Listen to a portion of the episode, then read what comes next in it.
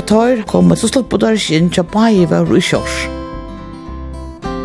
Det kan man si at det var vi bulter og brakt. Langt den etter så var det avlappet fra Øtlåsøy. Så at vi kvinner, vi stander ikke 18 for det her. Vi er matriarskar som hinner patriarkar.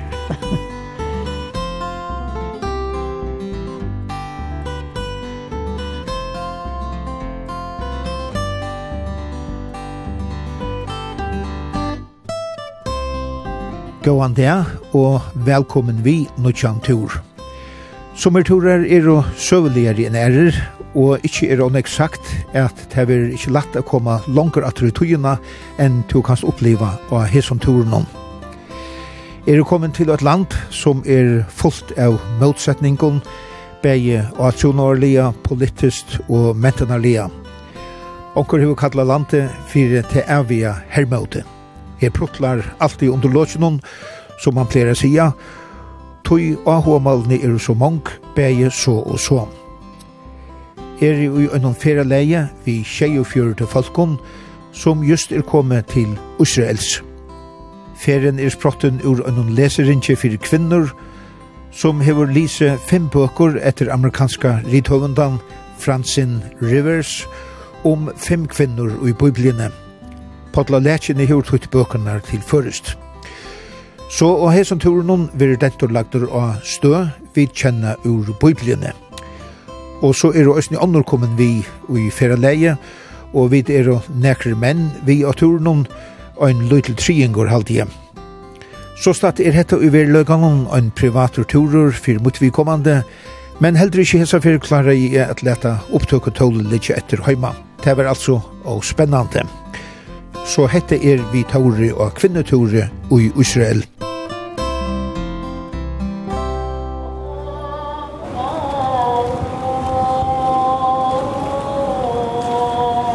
Dette er så første dævren av Israels ferien i Tjåkon. Vi kom i natt til hotellet i Tiberias ved Genesaret vatten. Og langt om klokkan tjei i morgen var vi vakt, og klokkan halv kom nutt og kort vid henne, og er nu i Nazareth. Hette er Nazareth Village, vi er etter røpt. Hette er en little etterkjørt bygd midt inne i Nazareth, nedanfor det gamle skoska sjukrehuset, som er mittel 100-200 år gammalt, og her så kjær vi hvordan omstøvene våre at liva ui av Jesu tog, vi vokstre og djøron og handverkje. Og av vennen her var vi til oppi av fjallen og man fyrir Nazaret. Her falt jo for den unga Jesus som uh, utleie skriftene i synagogene i Nazaret. Og så gjennom kom han unga til at her.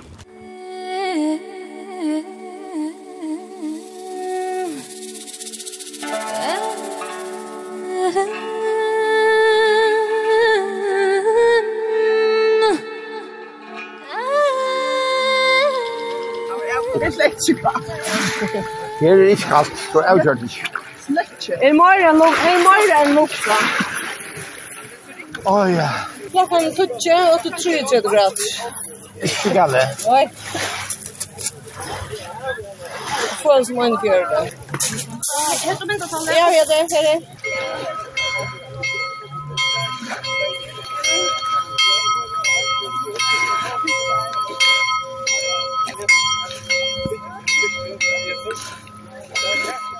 Det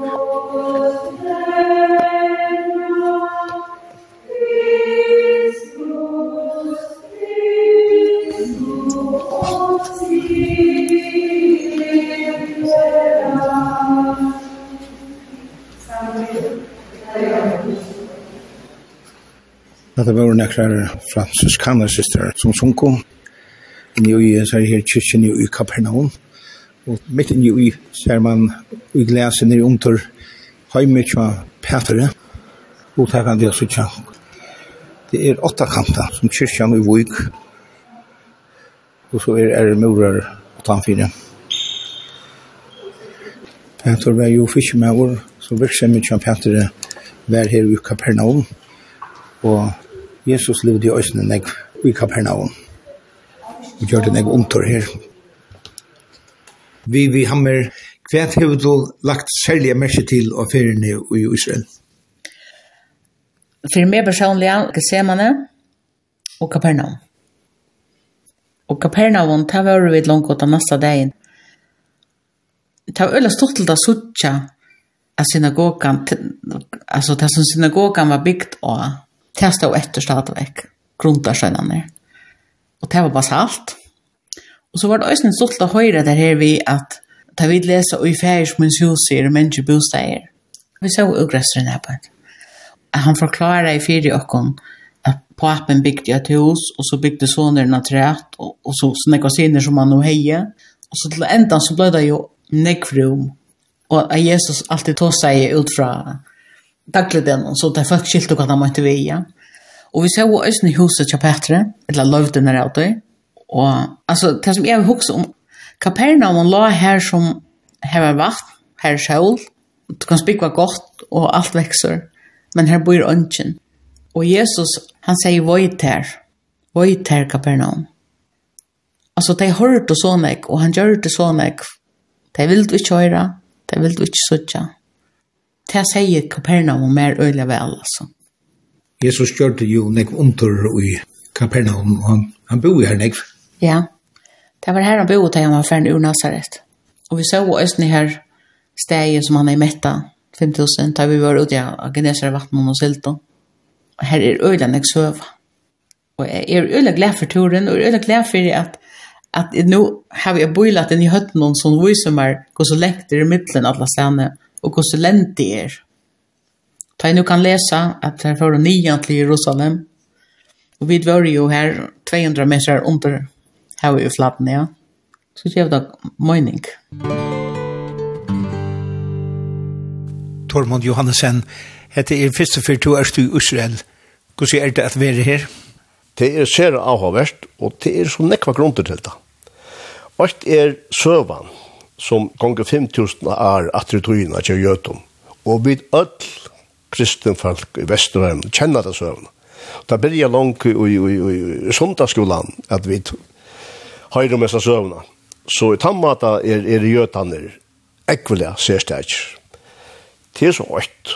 Og så er det at han har bibelsøvna, utlegten, i, i 2000 år, her er det øyne sérsteg. Tar fjore rundt, uh, kattla Atlan Heimen, og hilde fast vi sina sivenjer at han har 2000 år. En føringer som fyrir til Danmark eller til USA, han blev ikke vant verande føringer, men bøttene og bøttene de, de kjøkta teier en parstja på samfunnet. Men det hendte ikke røtten. Tar hilde sina sivenjer i 2000 år.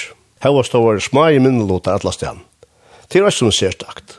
Og et annet, det er til at uh, søgnast i hundra er en rikva av småmalen deg ut tøyder av fagfolk som tås av deg. Og jøtaner, tar er venter atter til det hebraisk.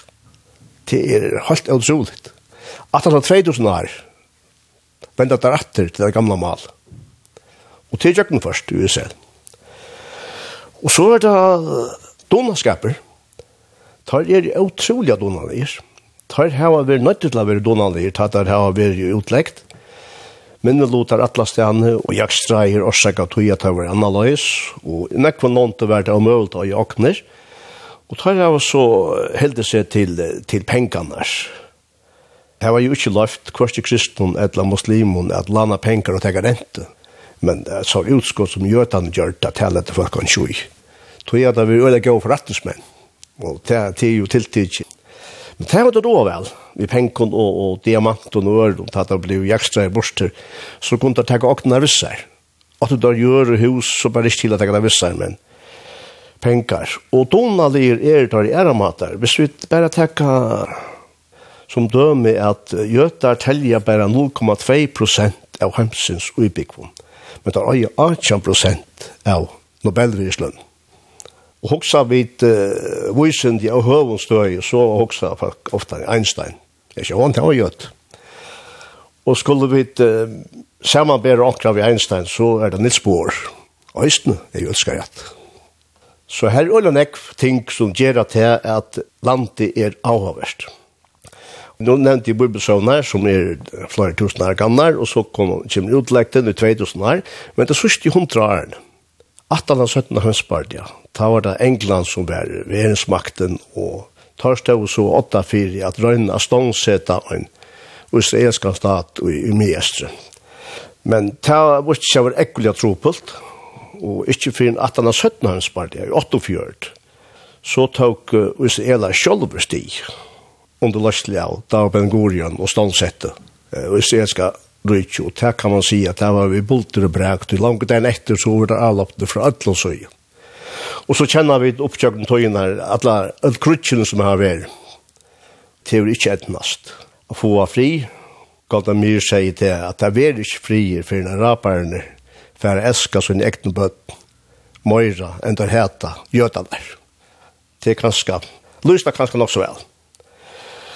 Så um, søvann til jøten og, og, og heimspolitikker i hele tiden. USA har kanskje vært høvesløyker i heimspolitikker så igjen 17 heimspartiet, ja. Men Israel er alltid i pjøy. Ved en amerikanske forsøkte valter, så tåsa man beina om hvordan er hans herre vi i kjøpte i Israel. Og Donald Trump, han låte vel at, at, at gjøre bruk av det.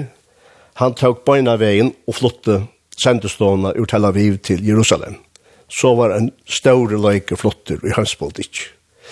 Så jøtar hava alltid veri en parster av hans politikken. Tøy var det sera spennant å komme, å suttja landet og folk.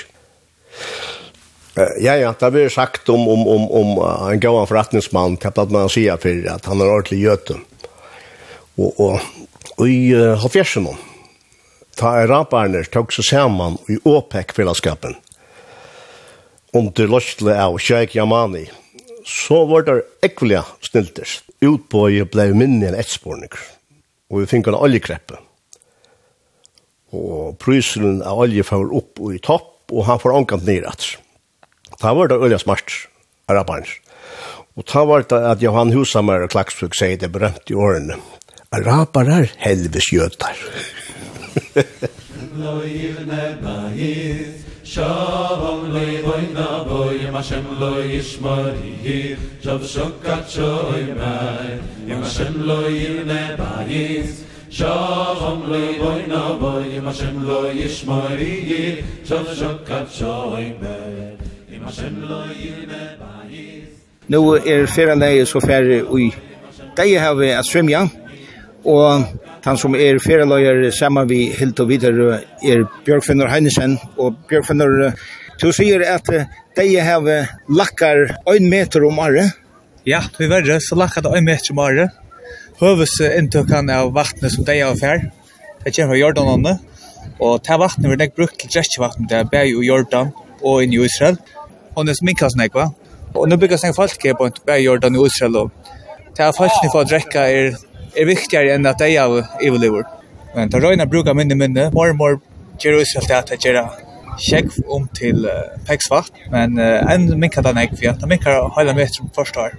Min fyrst var 2006 og fram til nu eh, så ikke tydliga månader hur snägt att lacka, bare bara få och arna. Så jeg vet ikke om det är jeg över gammalt. Og som hikker og det er bare norra for så ser man hvordan man ser vel her bakner som blir opphentet, man ser det ligger noen hitler. Jeg har det nevnt arbeidet vi at Jordan og Israel kom til å føre vakt fra Reihavn til Hebon, men det er stekker opp her, det er bra kanninger at han kjekkeren fra Reihavn og da det blandes på i Deihavet, så, så brottes konstruktoren av, av vakten ved Deihavnen. Deihavet er noe helt særlig. Det er ikke som underhøv. Her er utrolig høyt saltinnhold og nekk mineraler. Og det har vært brukt til en større inntokkjeld i Israel. Jeg har redigeret krem og Øystein bruker det til medisinutene og annet. Og jeg tror en ordentlig populær turistattraksjon til at da man fer i det Deihavet så kan man ikke gå og svimja, man flyter bare. Så her skal man ikke svimja, her skal man bare skvattla. Så det er et, det er et særlig opplevelse jeg verer. Det er kjøtt at du kan skvåkors i øynene eller i munnen, och dricker då en, en storskaus ner så kan det också ordna vandra mycket. Så tvis kan man inte simma på men bara lägga sig i rikken och så bara lite njuta då. Är det väl ju? Jag har svär i mig. Ja.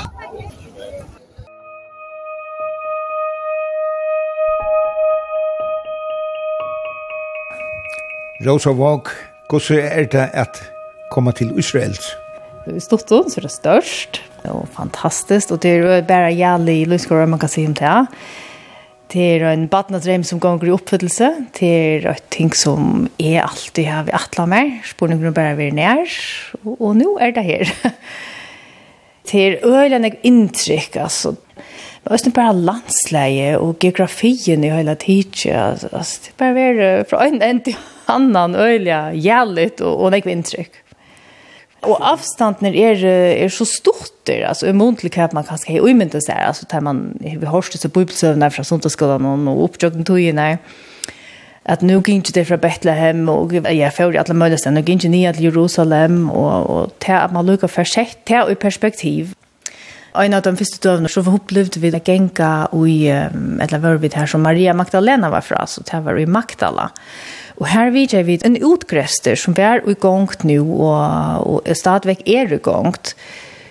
Her høtte just for korsen, altså nå snakker noe helt fra Arsjøen, funnet mosaikk, som simpelthen grava for nye, og høyta var øyelig velbeværa, og det var gulv var etter, mosaikk beklatt gulv vi lutla måste mosaikk terningen, att kanske en centimeter gang, en centimeter eller en annan gang, eller en annan eller också och Og hans nere som geitren som forklarer, och han sier jo at det her passar öle vel vi eh ta Jesus jo Jack rundt her om her av løyen, og at han får så inn i en synagoga eh som var bønt vi Genesaret vattnet som heter så är nu vär så det passar öle vel vi at han lyckas som hei ginche akkurat av hans som også ikke noe ta vär och snö öliga speciellt att också så här att nu skulle det stanna bort här vi tar samma måste inte som varför tvätt när sjön och ja och Jesus ska ska själv vi inte akkurat det här som samma måste inte någon.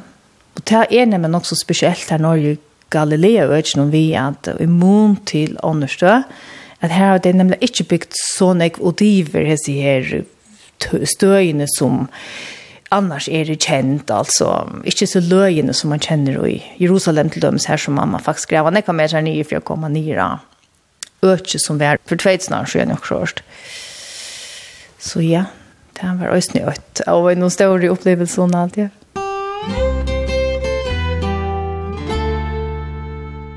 Helt av videre til er fellesskaperen Miriam, som kjøper fire som turen til Israels. Han har en særlig forsøvende.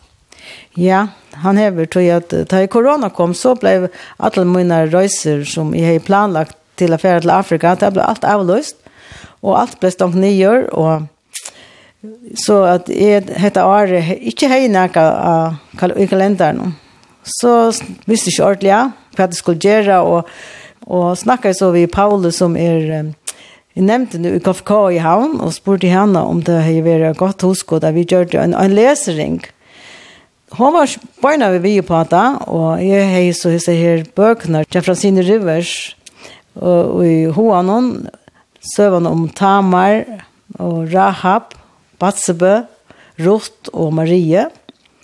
Så i hese bøkene var jeg føreskån, og jeg helt her var lettere å lese, og at alle kvinner kunne være vitelige til at hese bøkene var ikke bare til det var lettere å lese, men det, det var Bare djupar og lærerrykar. Fem kvinner ur Bibelen. Ja, fem kvinner ur Bibelen.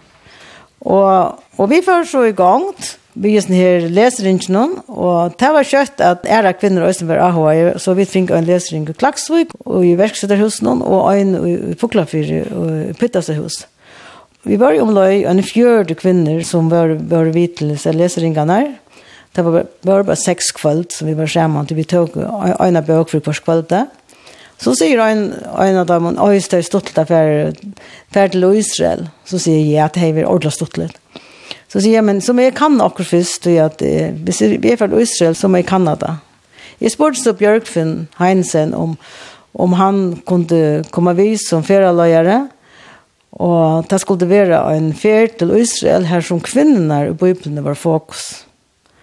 Og han sier på en av veien, ja, han var avhår, men det har han ikke prøvd for, så han måtte Kanada østene, tog jeg at det var noe stød som han ikke har vært selv vår. Og kom så atter til morgen og sier, jo, det er vel til til hun kommer vi. Og hette var så lukket som planlagt, og sent lengt frem i togene østene, tog jeg at på grunn av korona, og vi vil kjenne, så, så alt skulle, korona skulle være i stedet, så vi planlagt det lukket til nå i september 22. Vi gjør så kveld til KFK i havn, og han fortalte fra. Det var bøyna vi en AHO for turen noen, og det tok på nærkere dager, så var det 30 plass selv, og at han av første måneden, det var at 40 plassen selv. Vi fikk så bøylista, og det enda vi til at vi 1. september i år før jeg stod vi under ferie på 24 folk. Så det var helt, helt av avmedelige, spennende at uh, att gjøre den här turen. Så jeg jag har allt mitt liv arbetat vid kvinnen, i missionsmarsjene Østene, og haft leseringer i Førjon, og haft bøneringer i Førjon, og så har vi vært særlig AH i kvinnene på Ypene. Og hette vi min, min dreimer.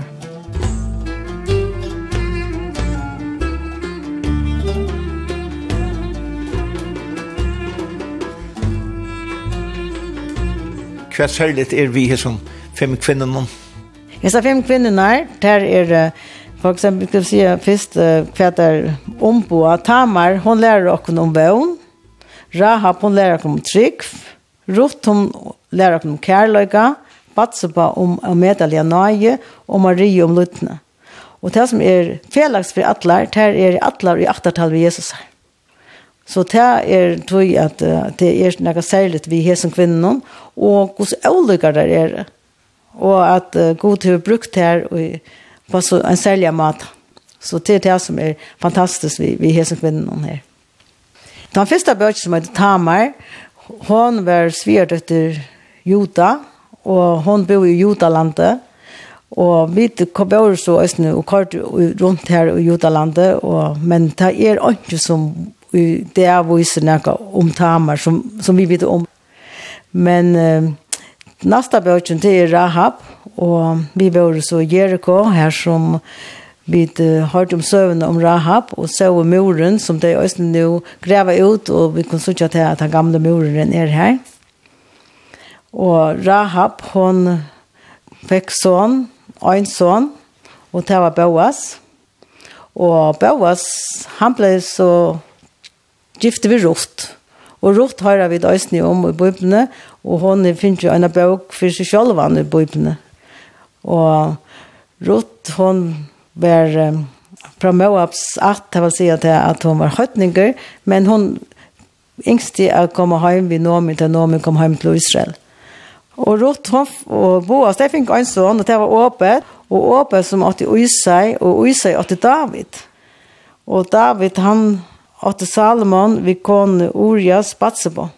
Og hvis vi leser alle attatalvene, men Jakob, åtte Josef og mannen til Marie. Så vi er her nå at alle disse kvinnerne tar, tar er noe særlig.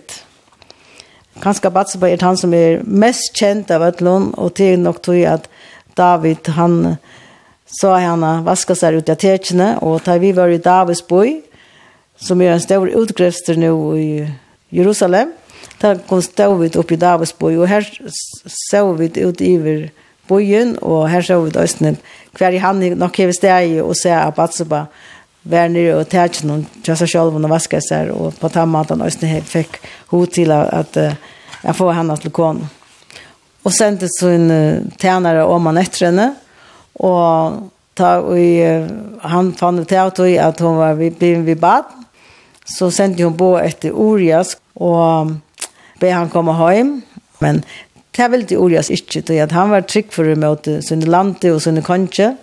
Det var gjort urtøy han var kommet, så han var atter, av sted atter, åttan av hjemme til Batsebo, og ta i David fann det til tøy, ta sendte jeg på om at Urias skulle standa fremster i herren, ta i det for i krutsk, og ta enda vi tøy at Urias han døg, og til noe som her det kommer av at hvis man får en stor post, at det er en Urias poster.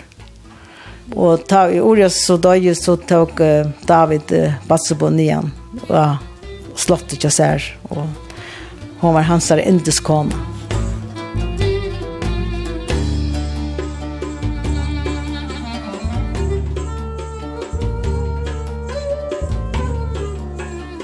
Så er det Maria, og Maria til i Norge testamentet. Hina er atler fra gamla testamentet. Men Maria hon är så med och Jesus och vi var så i Nazaret. Och där vi var i Nazaret det är en liten bygd gjort eftergjort så som det levde ta. Och vi så gust det levde som var ser ahoverst och Maria hon hon hon är också en mäktig kvinna och det som är vi är ösni att det kan vara vi inte har givet henne någon gäter Toja Maria, hon födde ju Jesus. Det heter så där film som vi lås ju men vi vi tar oss nekva på Vi var uppe här som Elisabeth om, och Toja Maria. Jag finner jeg vite hon var i baden, så fick hon vite att, att, att av baden Elisabeth også var i baden. Och hon var nye när vi tjänar. Och så man sier også til att jeg tar möttes där spalte baden i Mövulöjve. Vi var vi, vi grøvene til Reakul også, og Leo. Det var det sted av Østene som ser avhåverst, tror jeg at det er en synagoga som er bygd, lukket som rundt om seg her grøvene, så vi kom inn i en synagoga til mannen, og her var Østene ser avhåverst å være inne her Østene. Og jeg har omgående vært før inne i en sånn synagoga, og, og det var medelig avhåverst å være inne her Østene. Vi var i Østene i en synagoge for kvinner, og det var Østene avhåverst. Ja, altså, det som er helt Østene var spennende, det var det her at vi kjenner vel året patriarkar, og det er Østene ganske synder, jeg vet ikke om det er negativt lata, men altså, det som, som stod i grøvene til Leie og Josara, det var matriarkar. Så at vi kvinner, vi stander ikke atanfor det her, vi er matriarkar som hinner patriarkar det er helt evig nok så stort litt der. Jeg hadde ikke alltid nok så ringt av Lukas som sitter år og hva det er som jeg, jeg har opplevd av som turen. Det er fjordet før jeg var i Israel. Men det her, her som turen var noe helt, helt særlig.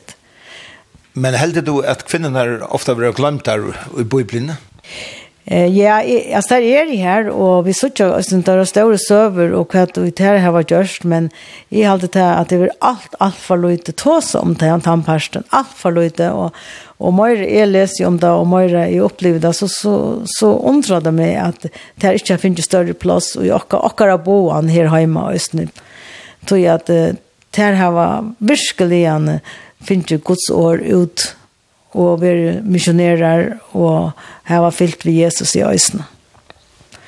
Da vi snakket om naturen, så ble vi kjøtt øyne om kvinner i havn, at uh, mennene skulle øysene komme vi.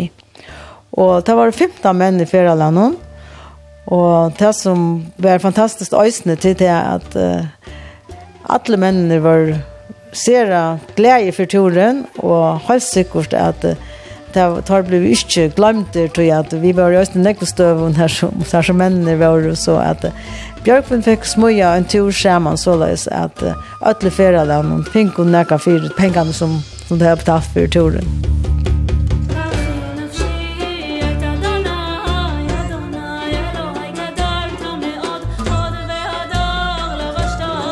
Jeg ser først og det ene har vi vært lengt under vannskorpen i Havanon, Men nu er vi kommet i tjej 800 meter hatt. Fera leie har glett seg at komme nian til søvelige byen Jerusalem. Og her er vi nå. Lave glæver skal det sanna, Jesus løyte tjøknoma. Lave glæver skal det sanna, Jesus løyte tjøknoma. Ja, Ja. Vi får tacka för med oss nu. Nu för Björk Finnor. Annar av hela löjaren Tjåkon att gröja från uppe i oljefjallen. Och mätaliga vägkorsla så till henne. Så till Jerusalem. Det flyter nok tusen år fram. Vi får til det første kongen nu kommer. Saul, og så kommer Atna Saul som David. David, da han var konkur, a byrja vi, så var han konkur i Hebron. Hebron er sin sommer for Jakob, og han var konkur her i Kjell Haltar. Yes, vita. Jeg halte at det ble godt. Jo, du vel at det kan minne. Så det er bare mamma. Ja, nå vil jeg alle ha mentor av oss her vi Jerusalem 18-4, i Røljefjallene vi vi har mer er det stanta og i fjallen og så kjø i Jerusalem. Det er øyla sottlet. Flotte bojor. Og er øyla spetta i ferdig om man er i Gethsemane. Altså på suttet som ser ut her nere. Det er faktisk det som jeg gleder meg mest til i det. Nå finner vi denne langre fragrøying her og har ferdig lengt atter i gamla testamentet i Østen. Her er, her er en stor parter av bøyblene fremme av høyene. Ja, og tar man les, jeg er ikke frisk mer hinnom stedet over her i det. Men han tog jo øyne vel å forklare at det var noe som kunne sitte fire der, at Jesus kommer til Jerusalem hver han fjord, og, og da er som tar han som ble, ble krossfester, da, eller prosessen og æren. Jo, man ser øyla nek her oppfra. Og vi synes jo også om han ikke kommer her vi ferdig nu. Ja. Er du som ikke vil fyrre heldigvis? Nei, nei, onka, jeg skal ikke være i Israel før. This is. Her er det fjerde lø, imsastelen i Urheimen, her er imisk, her er nekv imisk malet høyre. Det er flere store fjerde lø som er og alle fjallene morgen.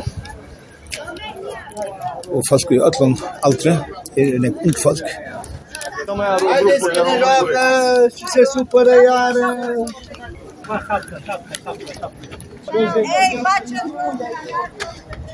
Ötle hava et høyre tåla pjasar og så hava dei øyra snil og så vid høyra feraløyeren atla tøyen om vi genka akkurat der som feraløyeren er. Så nu gonger løyen om man i måte Getsemane. Gert, nu får jag prova, jag får prova nu på att det är privatna och öron gröna chan. Jag finns att fick fett i dagen. Jag vet man är inne. Jag säger han. Jag vet vad jag är.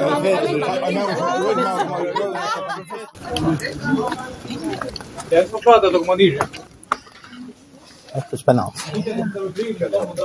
Det är nyer. Det ser ut som ett grävarhälle. Alla inne om man etter oljefjallen, og man måtte gett skjemmene. Hette at ivrasjalen. Ja. Her skjøtter det Gustav Griven gammel døven. Hos grøvene var det. Her det løtte det er råttna, og så tog man bøyna grunnen at man kortet som luftla kister. Vi får sterilljøs parst. Her er her ikke ljøs inne, så... Thank you. Kommer langt inn til å ha det framme her. Jeg nevnte Stekkerjøs nere, hatt er et privathus, og hatt er hører til Lukas privathus til noen, og hatt er grønner til de siste profetene, Malakias, Zacharias og Haggai. Og de siste profetene er gammel som heter. Så ikke det hvordan det grøver folkene før døgnet, Han kan forklare om noe litt og løtt. Jeg har alltid det sin særlig opplevelse etter en stor grøv. Nei. Ja, så jag ska omsätta. det. Take a look at the map here. Om du hittar korsene, we come down the steps, we are standing here. Kom hit og trappene og stand til oss rundt husene. Two circles indicate. Er tvær rundigar i grønne. One contains the tubes. Ein hevur grønar. One a corridor to pray. Og ein ein ein gang til biu. 50 tubes all together. Tvær halvtrus grøver til samans. Three prophets. Three profetar. Haggai, Malachi, Zachariah. Haggai, Malachi og Zacharias. And their disciples. Og tar av. Haggai Malachi buried in the center. Her er flere ganger langer inne. Her høgt punkter og brått østene genga, men og at lava finnes jo et kjerteljøs i håndene når fører inn i andre rom. Vi kjøpt nye. Ja.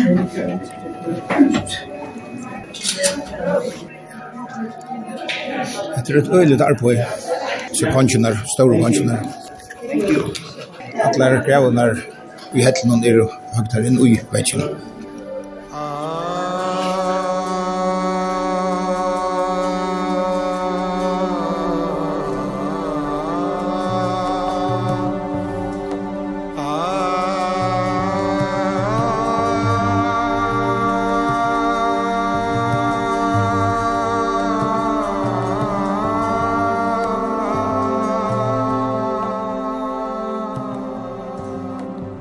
Olva Folpo, jeg skilte at fyrir til var det nekka særligt at koma i Gethsemane. Ja, altså Gethsemane er nekka helt særligt. Det er en særlig frigjør, en særlig ande i vestenen.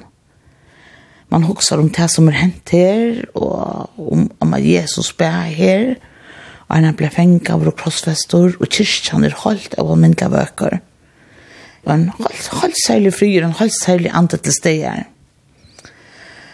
ta man kommer inn i kyrkjena, så er hun på nekva matar. Hun skiller seg fra henne og støvene som han vidtjer. Hun er ankel, hun er røyn. Vinden er mosaikker. Vi, vi sa noen eh, flott om fargen, hun lilla og jøsa rett. Og så da blir en sånn, tøytes ankel, så er en særlig frigjør.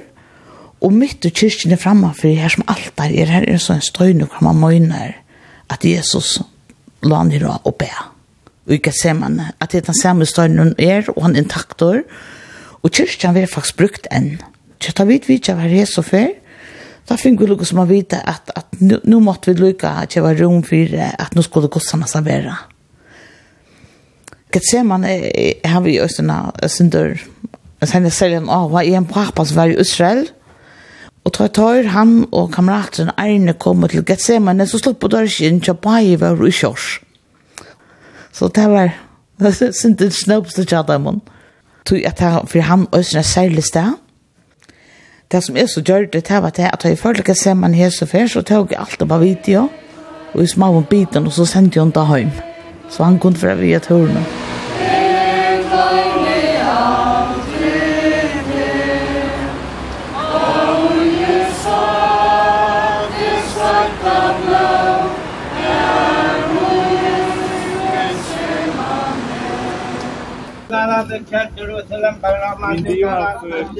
communities and this. Where did you get semana? Orsakar. Jeg leser bare på at ofte her er vi inngångna til kyrkene her snakk fast, så får man ikke alltid fri å høre det som vi lyser. Lepp en av bøtjen fra vi, og tikk om noe godt å hitja inn i Orsakaren. Uh, Marskos 14, 32. Hukse dikna til akkurat nå være oppe i aftersøst til kvallboltene, Ja, vi är ett point og nu er det där iver her point at bya. Nu kom det til Gary i at Getsemane. og han sier vi lærer sånne skjønner, sette dig her med en i bya. Han tok Peter, Jakob og Johannes Vissar, og rasla og svar enkes komator. og han sier Vittor, Salmon er ekvilja sorgabonden, holdt til deia, vær her og vekje. Så før han er syndet langkor, kasta seg ned i hjørna og be at jeg som tøymen skulle få færa fra honom om det var mølet, Han sier, Abba feir, alt er tar møvlig. Ta han da kærlig fra meg, ta jo ikke som jeg vil, men som du vil. Så kom han og fant oss sovande og sier vi Peter, Simon svever du? Var du ikke mentra verkje en tøyma? Verkje bygge for at du ikke skulle fatte frøsting, anten eller røyer, men holdt i vakt. Så får han opp etter borster, be og sier somår. Han kom akter og fant der opp etter sovande, du tenkt fra kommunat eietorra, og tar visste ikke hva det skulle svære honom. Trije fyrir kom han, og han sier Victor, til soma vi samme lei og kvilla tikkum. Nå mykje er, tøymne komum, nå skal mennesker som være givet opp i hender syndara. Røyses leit unge færa, han er nær som svik med. Og, og i det samme menar en tala kom Jotas, og en av henne tølv, og vi henne større flokker, vi svøren og gøsten, fra høvespresten og henne skriftlader og eldstun. Han og svojkan hei givet henne tekjen og sagt, Tanja kiste, han er til han, tæt han og løy han bostur, og et sikkare varvarslo. Da han kom, tar han vita samat i hans og sier, Rabbi og kiste han. Og da du kom inn i kyrkina, så er fram i altaren hon, her er en, en klettor framme fyrtigon, og sier at det er hans døgneren som Jesus svart er blå av. Da for ender, så skulle det være i kyrkjeklaven, som sagt, her er ikke å snakke inn her. Du bare njøter løtene. Og jeg. Og ja, og ja, det er godt taka mynter alltid. Det sender annars så, jeg minns man kan taka, ofte bare ikke av blitz. Og endelig ikke tåsta, det er her inne det er nok så viktig at det skal fria litt. Annars bare at det njøter frien og oppleva løtene sjálve og frien. Hva ser man det? Det er alltid jeg var øyne størst. Og jeg leser øyne størst en artikel hver det tåsa vi tvåra oss nere. Jeg vet ner om jag kunde munkar eller präster eller vad som, som omsitter och ända ner kan se man av han. Det här var stadigvæk oljebär. Det som tar hästar här på ett. Det blev brukt av jolen i kyrkjen. Men en særlig olja som ikke var til søl. Men Sjalt steg her som det råkna vi av Jesus og Elia, det var så inni i en av kyrkjøysene. Og För mig vet jag inte så rella viktigt om det var akkurat det rätta steget. Men att bara vita hur snäck man skulle till kökna.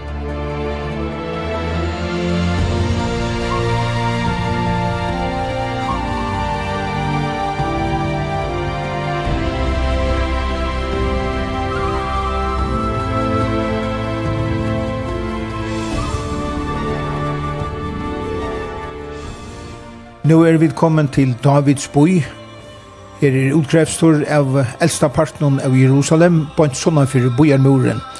Og nå er det folk i ferielandet spent, tog vid som hatt okkon færa nyer i en 3000 åra gamlan vattentunnel som Hesekia konkur kjørte så bojeren kunde få frukst kjeldevatten. Tunnelen er møyra enn en halvan kilometer lenkor, og han er ratteliga smælor og myrskor, har vi finnst at vita.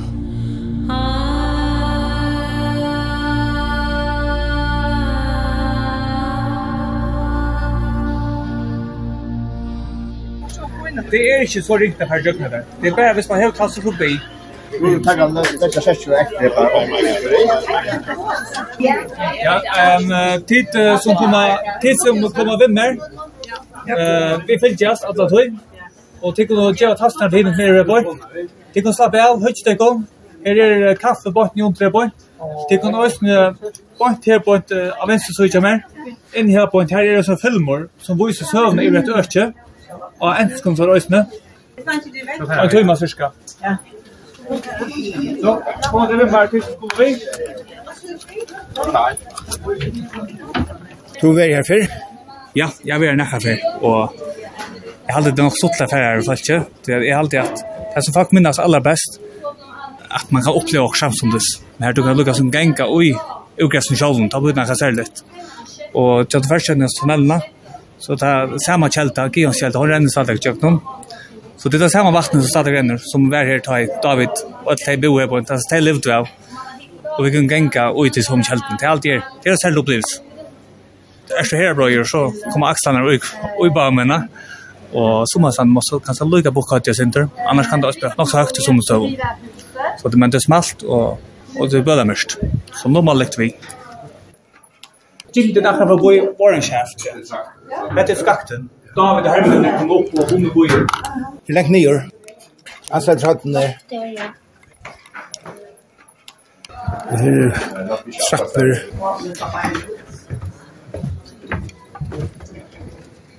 Så det Svelt arbeid, ja. Helt øyelig. Hvis det var der kjøtt i salen. Hei. Nummerskast. Oi, oi. Så nå er du kommet ut i tunnelen. Her er det første pettet sier det at vattnet kommer opp. Så vi kommer i jo. Så det Men nu, man är ju ska gå samtal och så tar upp allt att och och som är ju inte så länge helt som man kan förut.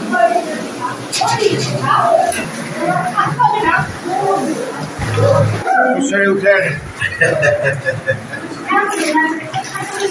Det var att vi köpte på Nuggulda.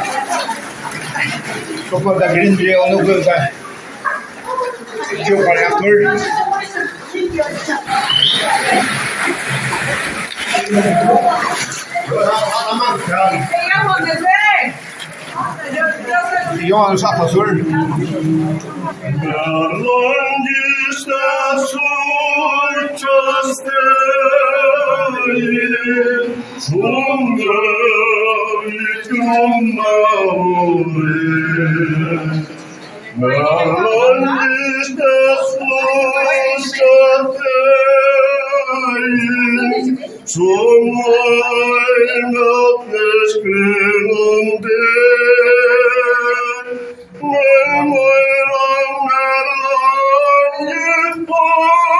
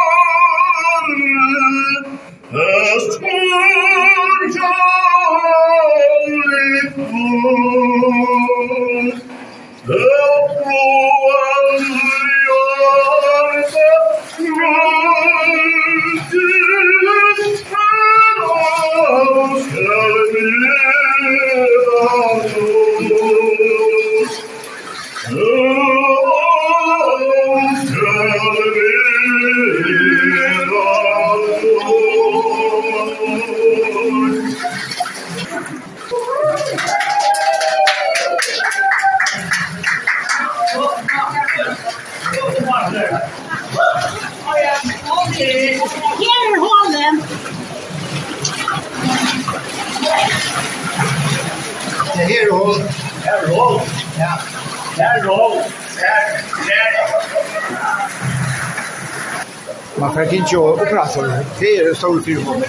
Du ser at det är riktigt äckligt sträva. Skulle man kan inte pocka våra alla høyde. Så kommer vi ut av tror ut av tror Ja, Det var helt fantastisk. Deilig. nu var det så på själva. Fine. Nu var det gott. Det var värsta. Ja. Ordentlig, ja. Fantastisk med Dorman. Er det gøy, ja? Ja. Ja. Ordentlig klapp. Vi tar ikke kappa på her. Tormund Johansen, hvordan var det at gengur tjøkken hentan sälja tunnel under Jerusalem?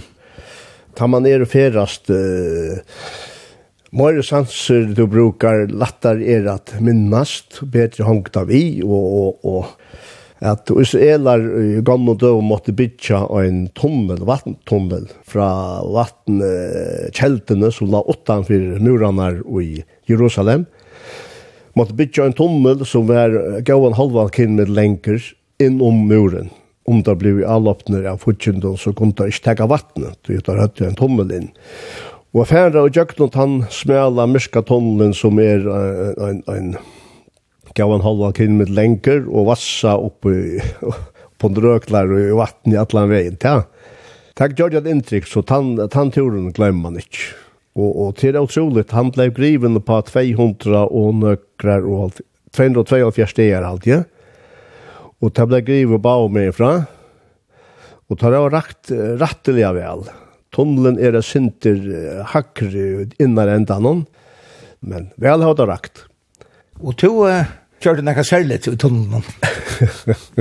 det var noen som leie opp til det, at jeg, jeg synes ikke åkst inn her, men det var ganske bare råp for å få det høyre at alle veien. Hvordan vet jeg? Jo, jo, det var det opplevelse, det var det. Så det glemmer du ikke? Jeg glemmer ikke turen til tunnelen, det er helt sikkert.